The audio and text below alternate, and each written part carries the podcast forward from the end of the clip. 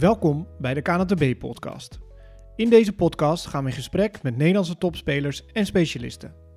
We bespreken relevante tennisonderwerpen en interviewen spelers over het vak proftennis en hun achtergronden en drijfveren. Veel luisterplezier! De voorjaarscompetitie staat voor de deur, of als je dit luistert, is het misschien al in volle gang. Na twee jaar aanwezigheid barst het wedstrijdtennis op alle niveaus los.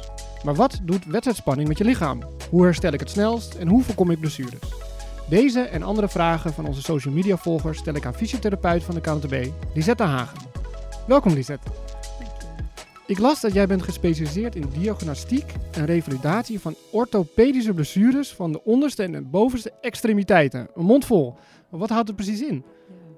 Goeie vraag. Ja, orthopedie is eigenlijk alles wat het uh, bewegingsapparaat volstaat. Dus alle gewrichten, pezen, spieren, ligamentjes en bandjes uh, van het lichaam. En daar, daar eigenlijk de blessures van. En dan de extremiteit, de bovenste is natuurlijk uh, van schouder, elleboog, pols, hand. En de onderste extremiteit is eigenlijk heup, knie, enkel, voeten. Ah, dat is echt, echt alles wat je met tennis nodig hebt dus. Eigenlijk alles wat je met tennis nodig hebt. Ja, nou, ja. ik stel meteen een vraag van een uh, social media volger. Joep Staats vraagt, welke opleiding heb je gedaan? Ja, ik heb uh, de opleiding fysiotherapie gedaan in Utrecht, op de Hogeschool van Utrecht. Um, dat is eigenlijk voor algemeen fysiotherapeut. Um, dat is een vierjarige studie op het hbo-niveau. En op dit moment ben ik aan het studeren uh, een master in Engeland... Ik doe een Strength and Conditioning Science Master. Dus eigenlijk kracht- en conditietrainingsleer. En daar de wetenschap achter. Dus dat is eigenlijk op dit moment mijn uh, achtergrond. Oké, okay. en zoals gezegd, je werkt voor de KNTB. En je bent er ook bij als de Davis Cup is of Billie Jean King Cup? Um, ik ben voornamelijk op dit moment verbonden aan het rolstoeltennis uh, in, in de toernooien. Um, ik ben wel bij de Davis Cup Finals mee geweest in Madrid, uh, samen met Jesper Put. Hij is mijn directe collega. Hij is voornamelijk fysiotherapeut bij de Billie Jean King Cup en uh, bij de Davis Cup. Uh, maar we werken eigenlijk de hele week samen aan alle casuïstiek uh, wat bij de KNLTB voorbij komt. Oké, okay, nou, Jedaldine.ax vraagt, wat was het leukste toernooi waar je bij was? goeie vraag. Ja, ik was afgelopen zomer bij de Paralympische Spelen met het rolstoeltennis. En dat was wel een hele gave ervaring. Dus dat was denk ik wel uh, het leukste toernooi dat ik mee kon maken tot nu toe. Is ja. het ook een hoogtepunt? Ja, zeker. Het was ontzettend, uh, ontzettend gaaf. Buiten alles wat uh, de Paralympische Spelen behelst, was het qua tennis ook echt met een groot team waren we daar. Goed tennis werd gespeeld, dus het was ja, heel mooi om bij te zijn. Ja. Nou, hartstikke leuk. Um, nou ja, competitie uh, tennis, daar uh, had ik het over in de inleiding. Uh, deze vraag is eigenlijk van mezelf. um, hoe kan het toch als ik een wedstrijd speel, dat ik dan meer spierpijn heb dan dat ik gewoon train of zo? Ik kan s ochtends echt de trap niet af. wat zegt dat over? Ja, ja wat dat, zegt dat over Ja, mij? wat zegt dat? Ja, dat is bijzonder, hè? Ja, ik denk niet dat ik de enige ben die dat zo ervaart. Klopt, klopt. ja, eigenlijk wat het allergrootste verschil is tussen de trainingen en tussen de wedstrijden is de intensiteit. Ten eerste ervaar je alles op een hoge intensiteit, omdat er veel meer druk op komt te staan. Maar het kan ook echt zijn dat je veel harder moet werken dan in een training. Uh, dat ligt natuurlijk ook deels aan de tegenstander of aan je eigen foutjes die je misschien wat meer maakt als je in een wedstrijd zit. Uh, over het algemeen ligt de intensiteit in een wedstrijd gewoon echt hoger, qua hartslag, maar ook qua fysiek, uh, hoe hard je moet werken kan natuurlijk iets zeggen over je trainingsintensiteit. ja, dat dacht ik ook meteen aan. ja, um, daar ligt vaak een groot verschil inderdaad. Dus de intensiteit tussen de trainingen en de wedstrijden. Dus de meeste blessures uh, loop je er eigenlijk ook op het gevaar daarvan in wedstrijden? Ja, dat kan. Dat kan. Uh, we zien sowieso dat ja, in wedstrijden, in toernooi of in toernooien in het weekend, worden er best wel veel wedstrijden ook gespeeld. Dus mensen gaan relatief ongetraind vaak het toernooicircuitje in. Uh, waardoor ze ineens op vrijdag, op zaterdag of zondag, zonder al te veel pauze, allemaal wedstrijden moeten doen. Mm -hmm. uh, je ziet ineens dat de volume en de intensiteit toeneemt. Dus dan heb je zeker een grotere kans op blessures. Um, ja, de vraag, sommige mensen die trainen ook eigenlijk niet los. Dus die, die doen alleen op wedstrijdniveau mee. Ja, dan zie je dat er een, gewoon eigenlijk altijd een piekbelasting is. Voor je lichaam in ieder geval. En wat zijn de meest voorkomende blessures? Ja, dat gaat behoorlijk verschillend toch wel bij, bij tennis. Um, wat ik veel hoor in de praktijk is uh, knieklachten en enkelklachten. Um, mensen met een zwakke rug en die dan steeds terugkerend rugklachten krijgen. Uh, maar ook ja, mensen die al vanaf hun achttiende schouderklachten hebben en er eigenlijk nooit echt van afgekomen zijn. Ja, het kan echt alle kanten op. Um, Zimmerman 1985 vraagt: uh, een tennisarm voorkomen. Hoe doe je dat? Ja, dat is een goede vraag. Ja. ja, een tennisarm is eigenlijk een beetje een uh, verzamelnaam voor pijn aan de buitenzijde aan je elleboog.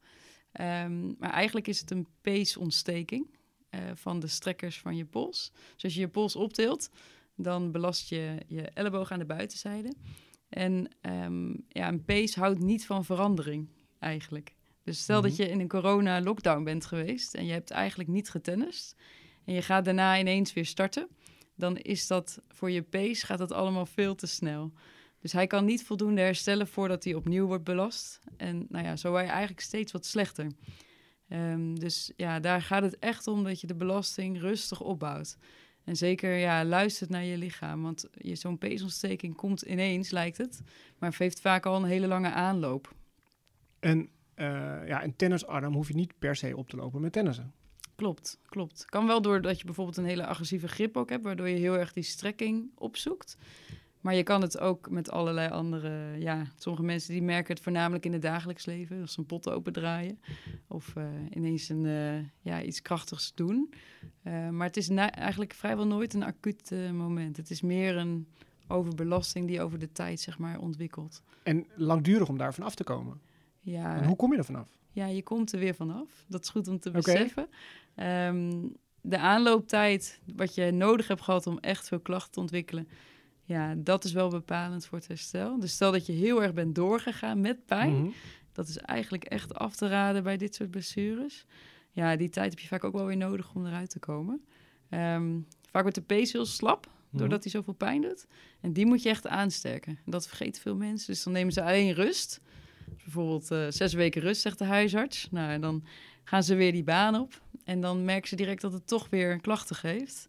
En eigenlijk komt dat omdat je die pace niet hebt versterkt in die periode. Dus hij heeft eigenlijk weer niks gedaan, houdt weer niet van veranderingen. Krijg je ah. weer hetzelfde effect. Ja. Oké, okay, dus je moet hem wel met krachttraining uh, versterken. Ja, en je, soms is het ook heel goed om te blijven belasten juist. Okay. Alleen dan niet op een te hoge intensiteit.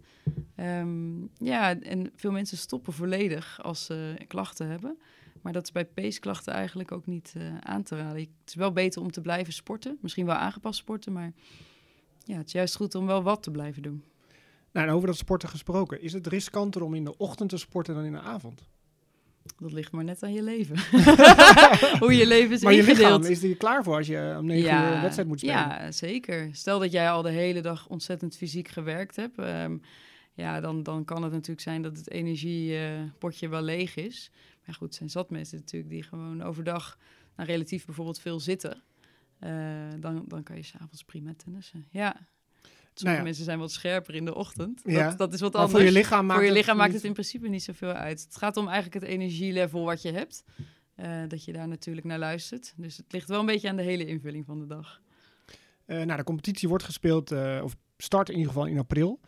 April doet wat hij wil. We zagen het vorige week hadden we prachtig weer en nu lijkt het te gaan sneeuwen. Ja. Um, bij welke temperatuur mag je in een korte broek tennissen? En wanneer kan je beter aanhouden? Ja, dat is uh, ook wel een interessante vraag. Um, ik denk dat het super persoonlijk is, ten eerste. Maar als je het hebt over wat is verstandig, um, het allerbelangrijkste is eigenlijk het, temperatuurswisselingen. Dus stel dat het regent, Um, en het waait heel hard, dan kun je echt heel koud worden. Dus wat het allerbelangrijkste is dan om je echt goed aan te kleden, voornamelijk je bovenlichaam. Met een winddicht jasje of een waterdicht jasje zelfs.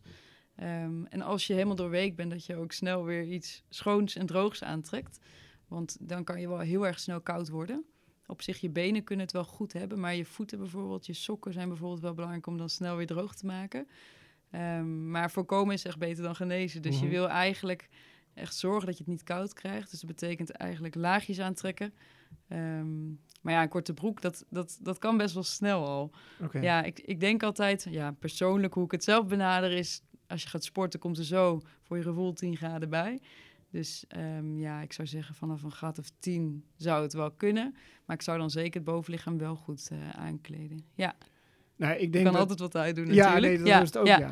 Ehm, nou, ik denk dat jij ook als fysio gaat zeggen, een goede warming-up is heel belangrijk. Ja. Ja, hè, daar mag ik voor Ja. invullen. Ja. Ja, Maar als we heel eerlijk zijn, als ik naar om me heen kijk eh, in competitietijd, het is vaak die vijf minuten inspelen, dat is dan de warming-up. Ik Ja. zie bijna niemand op het parkeerterrein allemaal oefeningen moeilijk doen. Heb je nog tips om die vijf minuten dan toch zo warm mogelijk te worden voordat je gaat starten met die wedstrijd? ja. Ja, het is onwijs belangrijk om goed op te warmen. Sommige mensen die, eh, ja, die zitten de hele dag bij wijze van spreken stil en dan ineens staan ze op de baan. Nou, je lichaam zit dan de hele tijd in één houding en ineens moet het allerlei houdingen aannemen. Ja, ik, ik zou echt een pre vinden om mensen sowieso met de fiets dan eh, naar, de, naar, de, naar de vereniging te laten gaan, als dat mogelijk is. Dan heb je in ieder geval je hartslag al een beetje verhoogd. En ik ben wel een voorstander van toch even het elastiek pakken. Want de kleine spiertjes van je schouder, ehm, ja, die moeten gewoon wel aangaan voordat je gaat serveren. Want je gaat natuurlijk in één keer die bal, die gaat natuurlijk vrij snel eh, op een hoge intensiteit. Dus zeker wat elastiek oefeningen voor je schouder. Dat is ook wel eh, een wens wat ik voor iedereen eigenlijk wel heb. Maar wat natuurlijk in de realiteit natuurlijk Mhm. wel lastig in te passen is. En over het rekken, daar bestaan eh, volgens mij ook wel het, eh, verschillende opvattingen over. Moet je dat voor of na de inspanning doen? Ja. Ehm, ja, je kunt rekken. Je, rekken kun je statisch doen eigenlijk. Dus een beetje de, het voorbeeld dat mensen langs de weg zo'n lantaarnpaal eh, om staan te duwen. Ja. Ehm, dat is statisch, zeg maar, rekken in één houding. Ja, dat is niet echt wenselijk voordat je gaat tennissen. Ze hebben zelfs wel wat onderzoekjes naar gedaan dat je dan zelfs misschien wel wat minder sterk wordt. En dynamisch rekken is juist bewegend rekken. Dus dan ga je eigenlijk alle hoeken van je gewricht even wat opzoeken voordat je gaat beginnen. En dat is wel heel goed, omdat je dan je lichaam juist heel goed aanzet. Alleen dan zoek je eventjes rustig door de, ja, door je range of motion noemen we dat dan, de, de, de bewegelijkheid van je gewrichten. Mhm. En zo warm je jezelf eigenlijk heel goed op. Ehm, maar rekken na de hand, als je bijvoorbeeld twee zware potten hebt gespeeld, dan is na de hand rekken echt wel een pre voor de volgende dag eigenlijk. Dus zodat je de volgende dag iets beter weer aan de start verschijnt. Dat werkt dus mee aan je herstel. Ja, klopt. En Ja. Wat doet het dan? ja, eigenlijk maak je in je spieren, stel dat je heel veel afvalstoffen hebt ehm, opgebouwd tijdens die wedstrijden. Ehm, als je een cooling down doet, of recovery noemen wij het dan ook wel eh, eh, bij toptennis. Ja, je, je verzorgt je lichaam, je luistert even wat beter naar je lichaam. Je gaat bijvoorbeeld je schouder even ontspannen. Als we een paar keer de schouder rekken, dan neemt de spierspanning letterlijk af. Waardoor je de volgende dag letterlijk wat minder spierspanning aanwezig hebt in die schouder. En zo toch weer een grotere bewegingsvrijheid hebt om die dag daarna weer te gebruiken eigenlijk. Dus het heeft enerzijds Mhm. met afvalstofafvoering te maken en anderzijds de lengte van de spier. Zodat de volgende dag dat je als een, nou ja, de een komt wat beter uit zijn bed. Kijk mij aan. ja, ja, ik, ik ben Ja, schuldig. Ja dat, dat je in ieder geval de lengte eigenlijk van je spieren bewaakt. Ehm, Luc vraagt, eh, wat te doen bij het gevoel van overbelasting? Dus kennelijk kan je dat aanvoelen komen. Het is dat, Luc? Ja, Luc, blijkbaar goed. ja. Ja. Eh, heel belangrijke vraag, denk ik. Ehm, ja, overbelasting, dat voel je soms pas als het een beetje te laat is natuurlijk. Ehm, mocht hij het aanvoelen, ja, het kan natuurlijk in vermoeidheid zijn, maar kan ook in allerlei pijntjes zitten. Mhm. Eh, wat je dan moet doen, is zeker een wijziging maken in wat je op dat moment aan het doen bent. En vaak zit het er al in dat je een extra rustdag in de week eh, inplant. Ehm, dus je kan eigenlijk ja, in een weekend dat natuurlijk niet echt goed doen. Ehm, maar stel dat je op vrijdag en op zondag speelt, dat is eigenlijk ideaal. Vrijdag, zaterdag, zondag, dat is echt een piekbelasting. Dus als je zegt, ik heb overbelasting al geheel, moet je echt op de rem trappen. Merk je het in een week, dan kun je echt naar je weekplanning gaan kijken. Dat je misschien op bepaalde momenten echt meer rust neemt. Mhm. Eh, Dus je hoeft niet acuut te stoppen met alles. Je kan een beetje afschalen. Ja, dus daar zitten natuurlijk allerlei gradaties in. Ehm, vaak is het wel handig om dat in overleg te doen met de specialist. Overigens, als je echt merkt dat je echt wat overbelast bent. Ehm, ja, dat kan in allerlei varianten dus komen, dat je dat merkt. Is het wel belangrijk om dat echt met iemand eventjes te bespreken. Zodat je daar ook een objectievere blik eh, aan kan geven. Ja, Nou, ik snap de volgende vragen zijn heel specifiek. En ik snap dat het heel moeilijk is, want je hebt de persoon niet voor je. Je kan niet met je handen voelen wat iemand heeft. Maar Elko KN vraagt, ja, ik heb een rug- en wervelblokkade gehad. Vooral rotatie is heel lastig. Heb je een tip voor mij? ja zeker. Ehm, ik weet natuurlijk niet wat er precies gebeurd is. Of hij helemaal scheef heeft Ja. gestaan. Of dat hij helemaal geblokkeerd is geweest. We zien het ook wel eens bij toptennis dat het gebeurt. Ehm, ja, wat er eigenlijk vaak gebeurt, is dat een gewrichtje in de rug echt wat geïrriteerd eh, raakt. En daar moet je dan vaak wel even, nou, je hoeft niet volledige rust te nemen, maar wel even naar luisteren. Als je nu merkt dat je dan echt stijf bent in het belasten of in het draaien, dan werken mobiliserende oefeningen heel erg goed voor de rug. Dus dat betekent eigenlijk dat je hele specifieke oefeningen doet. Wat uh, vaker dan één of twee keer per week. Om echt meer ruimte in de gewrichtjes en in de spieren te krijgen. Maar dat vraagt ook wel weer een specifieke aanpak. Van wat is er dan daadwerkelijk vast? En Mhm. um, ja, wat mensen soms doen is zichzelf wat losknakken. Alleen dat is vaak dan op het niveau wat al los is. Mhm. Um, dus dat is wel goed om dat in overleg met een fysiotherapeut of manueel therapeut bijvoorbeeld te doen. Ja, Kan je een voorbeeld geven van een rugoefening? Om, wat je zei? ja nou ja, eigenlijk eh, wat goed is om te beseffen, stel dat je de hele dag achter PC zit, dan zit je echt in één houding. Dus letterlijk al zittend op je stoel gaan draaien met je rug, dat is al mobiliseren. En ehm, je kan het ook op een matje doen natuurlijk, waarbij je je knieën links en rechts beweegt. Ehm, ja, je kan eigenlijk je wervelkolom in alle drie de richtingen draaien. Dus je moet strekken draaien en wat eh, kiepen.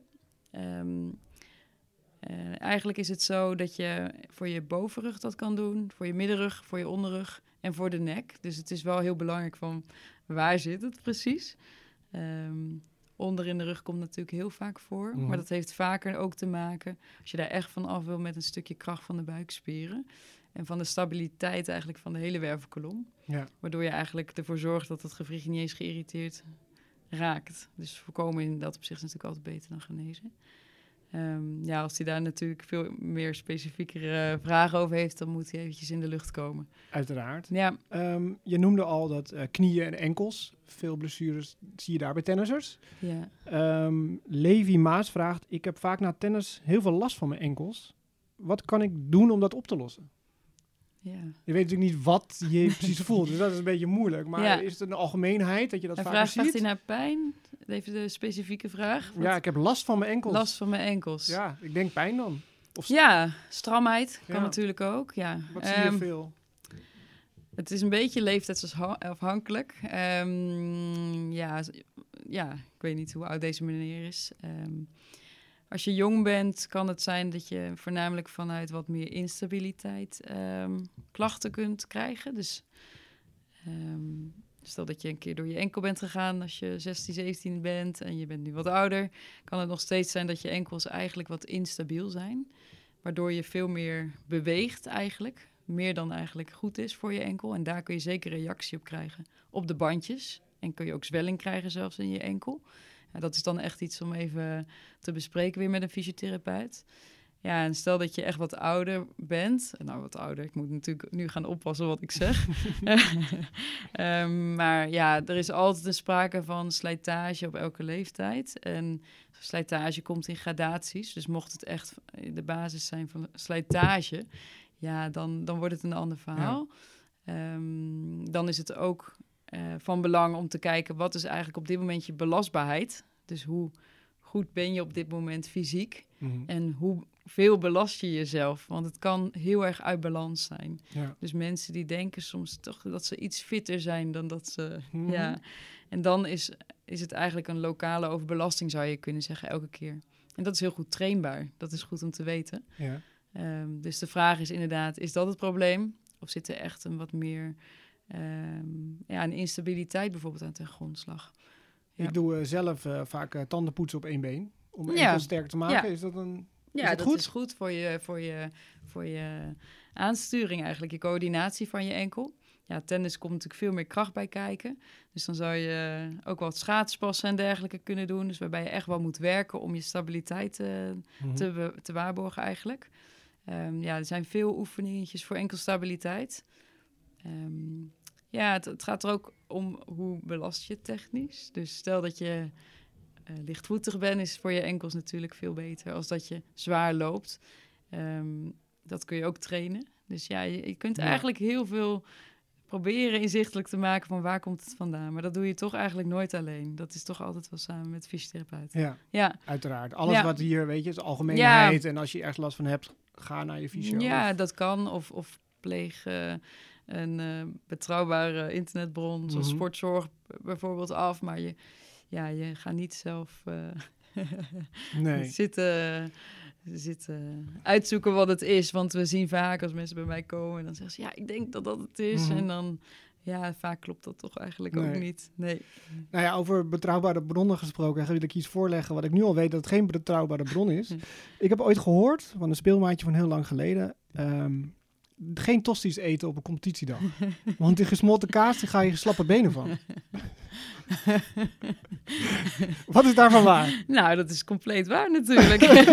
Want die tosties, die vliegen over de to- ja, de die vliegen toonbank. zeker over de toonbank. Ja, nou ja, er vliegen wel meer over de toonbank natuurlijk op zo'n competitiedag. Ja, dan kom dat je meer bij de gezonde natuurlijk. voeding uit natuurlijk. Ja, dat is wel Ja. mooi omschreven. Ja, Ja, maar zijn er meer dat- fabels die je zegt van die moeten eruit... Noem eens een fabel die hardnekkig is, maar... Ten aanzien van eten? eh, nou, Oh. gewoon eh, je fysieke gesteldheid. Wat wel te doen, wat niet te doen. Fabel. Dat mensen echt Vraag je vast aan houden. Zoals ik die tosties dus ben uit mijn leven. Ja. Want ik heb slappe benen van, maar dat Ja. is een fabel. Ja, sommige mensen, eh, ja. Ik kan wel hele anekdotes vertellen, maar ehm, als mensen echt zeggen van, nou, ik ben rechtgezet door een fysiotherapeut. Dat vind ik altijd een mooie op, eh, of een uitspraak, of een mooie... Ik ben rechtgezet door mijn manueel therapeut. Of ik, ben, ik sta scheef. Ja, dat zijn in de volksmond echt termen. Mhm. Ja, wat fysiek natuurlijk eigenlijk... Ja, het kan, je kan afwijkend beeld hebben. Ja. Ik vind dat mooie fabels in de zin van... Ja, zijn zat mensen. Usain Bolt heeft een scoliose. Daar, eh, Mhm. Dat weet misschien niemand, maar die staat eigenlijk heel scheef. Ja, je- Scoliose is een Ja, buiging kromming, van de rug. kromming in de wervelkolom. En Ja. daar kun je prima mee functioneren. Ja, kan je wel eh, zeggen. ja, daar kun je prima mee. Misschien moeten we allemaal scoliose hebben. Ik zou Gaan zeggen, beter van z'n veren. ja, ligt er wel aan welke kant hij op is. Links of rechts, ten aanzien van je service. Maar ja, nee, er zijn zat eh, fabeltjes. Gelukkig ehm, werken we met een stevig team bij de KNTB om dat altijd gericht aan te pakken. Dat Ja. is wel heel fijn. Laurie Broos zegt, ja, ik heb veel bekkenpijn. Ja. Hoe kan je dat voorkomen met tennis? Ja, bekken. Bekken is wel een lastig onderdeel. Ehm het is de, de bekkenbodem heb je ten eerste. En je hebt het bekken zelf. En ehm, zeker bij vrouwen die bijvoorbeeld zwanger zijn geweest... of bekkenklachten hebben ervaren bij een zwangerschap... is het ehm, ja, vaak een, een instabiliteit wat de grondslag ligt eigenlijk aan pijn. Dus als je je bekken niet goed kan stabiliseren... dan ga je snel hol trekken. Dan ga je snel je kracht uit je rug halen terwijl je de bal slaat... Ehm, dus als je het hebt over voorkomen van bekkenklachten, is het heel belangrijk dat je een stevige en stabiele eh buik-rugspierfunctie hebt. Als een soort corset werkt het eigenlijk. Hm. Ehm, dus dat moet echt ja, best wel sterk zijn voor tennis. Omdat je vaak in allerlei hoeken ehm, ja, actief bent, backhand, voorhand, serveren. Ja, daar is het echt belangrijk bij dat je gewoon heel sterk bent. Oké, eh, Lars Tolle die eh, vraagt, hoe herstel ik het snelst als ik last heb van mijn heup of mijn lies? Ja, ook weer een beetje in die regio natuurlijk. Ehm, Lies Heup is ook ehm, vaak, ja, vind ik persoonlijk, net wat, wat diepgaandere blessures komen daarbij kijken. Als je jonger bent kun je ehm, liesklachten krijgen, die, zeker als je echt adolescent bent, ja, daar moet je echt mee oppassen. Als je nog in de groei bent, groeischijven zitten daar lokaal. Ehm, we zien daar best wel wat langdurige blessures. Dus het is wel vaak verstandig dat mensen dan even naar de sportarts gaan, bijvoorbeeld om echt goede diagnostiek te doen. Van wat is er nou precies aan de orde? Ehm, ja, en heupklachten, daar kan bijvoorbeeld artrose aan ten grondslag zitten. Eh, maar bijvoorbeeld iets hoger een liesbreuk. Ehm, als je zegt, hoe kom ik daar het snelst van af, is een goede diagnose eigenlijk een Mhm. van de belangrijkste dingen. Dus je kan een acuut probleem hebben of een al langer bestaand probleem. Maar in beide gevallen zou ik altijd op zoek gaan, wat is nou precies het euvel? Vanuit daar moet je vertrekken om de oplossing ook te vinden. Omdat het best wel complex is. Ja. Eh, nou ja, tijdens een competitiedag speel je soms twee wedstrijden, waar er zo'n pauze ook tussen zit, omdat er een andere wedstrijd misschien, of de baan is nog niet vrij. Ja. Eh Jannik M. vraagt, mijn meniscus is kapot en ik mag spelen met een brace. Maar hoe doe ik dat met twee wedstrijden? Goeie vraag ook. Ehm, dat zien we wel vaak gebeuren. De, de brace ontlast enigszins de knie, omdat hij wat schokdemping extra, ja, wat stabiliteit eigenlijk geeft. Ehm, de vraag is hoe sterk is het bovenbeen van deze patiënt uh, of cliënt of tennisser. Um, kijk, bij meniscusschade is letterlijk de schokdempfunctie wat verminderd in de knie. En als je bovenbenen niet sterk zijn, dan komt de druk extra op de knie uit. Nou ja, als je dan één wedstrijd goed doorkomt en de tweede eigenlijk niet, dan is het op dat moment te veel. Dat je twee wedstrijden waarschijnlijk speelt. Um, wat je zou kunnen doen is dan bijvoorbeeld eerst twee wedstrijden dubbelen. Uh, kijken of dat wel goed gaat. Of dat je bijvoorbeeld een dubbel en een single speelt. En dat je echt gaat onderzoeken van waar ligt op dit moment mijn grens van wat kan ik aan met de knie. Um, wij doen vaak veel krachtmetingen eigenlijk bij meniscusletsel. Dus we proberen te kijken hoe sterk is het bovenbeen, zowel de voorzijde als de achterzijde. En vergelijken we dat met het andere been. En dan weten we eigenlijk ja, of daar nog een bepaalde trainbaarheid is ook. Dus um, om iemand letterlijk wat fitter te krijgen op de baan. Ja. Um, ja, je ziet steeds meer mensen of tennissers met van die hele hoge sokken tot aan de knie. Ja, wat is het nut van die hoge sokken? Ja, ja de compressiekousen. Ja. Um, dat zie je inderdaad steeds meer, ook wel bij de topsport natuurlijk. Um, ze stimuleren de doorbloeding van de onderbenen en worden ook zeker bij staande beroepen bijvoorbeeld al, al geadviseerd. Um, het is ook fijn om wat zeg maar, te dragen wat strak om je uh, spieren zit. Het geeft wat ondersteuning en het geeft ook wel uh, voor je lichaam eigenlijk een bepaald gevoel dat er wat aandacht voor is. Dat, dat voelt heel prettig. Aan de andere kant is er ook wel wat doorbloedingsstimulatie. Um, ja, uh, zelf gebruik ik het niet. Ehm, wel in het vliegtuig bijvoorbeeld. Okay. Uh, bij langere vluchten wordt het ook wel door bij ons uit in ieder geval geadviseerd om de doorbloeding mooi te stimuleren. Ja, ik zou het dragen als je bijvoorbeeld veel stilstaat op de baan. Maar als je echt continu heen en weer aan het vliegen bent, dan is het meer een prettig gevoel, mm -hmm. denk ik persoonlijk. Dan dat het je op dat moment voor iets behoedt. Ik denk niet dat je er iets mee kunt voorkomen per se. Nee. Wel is het goed om te weten trouwens dat als je iets om je lichaam doet, zoals een brace of een band of iets dergelijks, dat het wel een heel veilig effect geeft. En dat heeft ook letterlijk wel echt wat effect. Mm -hmm. ja, dat noemen ze eigenlijk. Het is een beetje als je pijn hebt en je buik en je wrijft erover, is een beetje hetzelfde effect. Dus dat, dat helpt zeker wel uh, als je iets om je huid sluit. Ja. Um, ten slotte, heb je nog een algemene tip voor de competitiespelers die ja, staan te trappelen of die ja, al bezig zijn? En, het zijn pittige dagen wel. Ja, ja. ja, je moet nu al beginnen. Ja, ja je moet nu al aan de slag. Um, wat ik zeg, je, je lichaam houdt niet van hele snelle wissingen. Dus je, ja, als je nu al kan joggen, fietsen, uh, wat krachttraining kan doen, dat is pure winst. Dus ik zou eigenlijk daar nu al gewoon mee starten. Twee, drie keer per week Um, met een rustdag ertussen kun je echt al wel beginnen met belasten. Um, je schoeisel checken. Mm -hmm. Is dat nog een beetje up-to-date? Uh, je racket bespanning goed controleren. Of dat, niet, uh, of dat goed staat afgesteld. Dat soort factoren helpen natuurlijk ook in het voorkomen van blessures. Uh, ja, dat is eigenlijk een van de belangrijkste dingen. Okay, dus ja. deze podcast nog een keer luisteren, maar ja. dan al hardlopend, fietsend, ja. wandelend, whatever je maar gaat doen. En dan ben je er klaar voor. Ja, ja zeker. Okay. Ja. Nou, hartelijk bedankt voor je tijd en voor al je kennisdeling. Ja, dankjewel. En tot op de tennisbaan dan. Is goed. Afgesproken.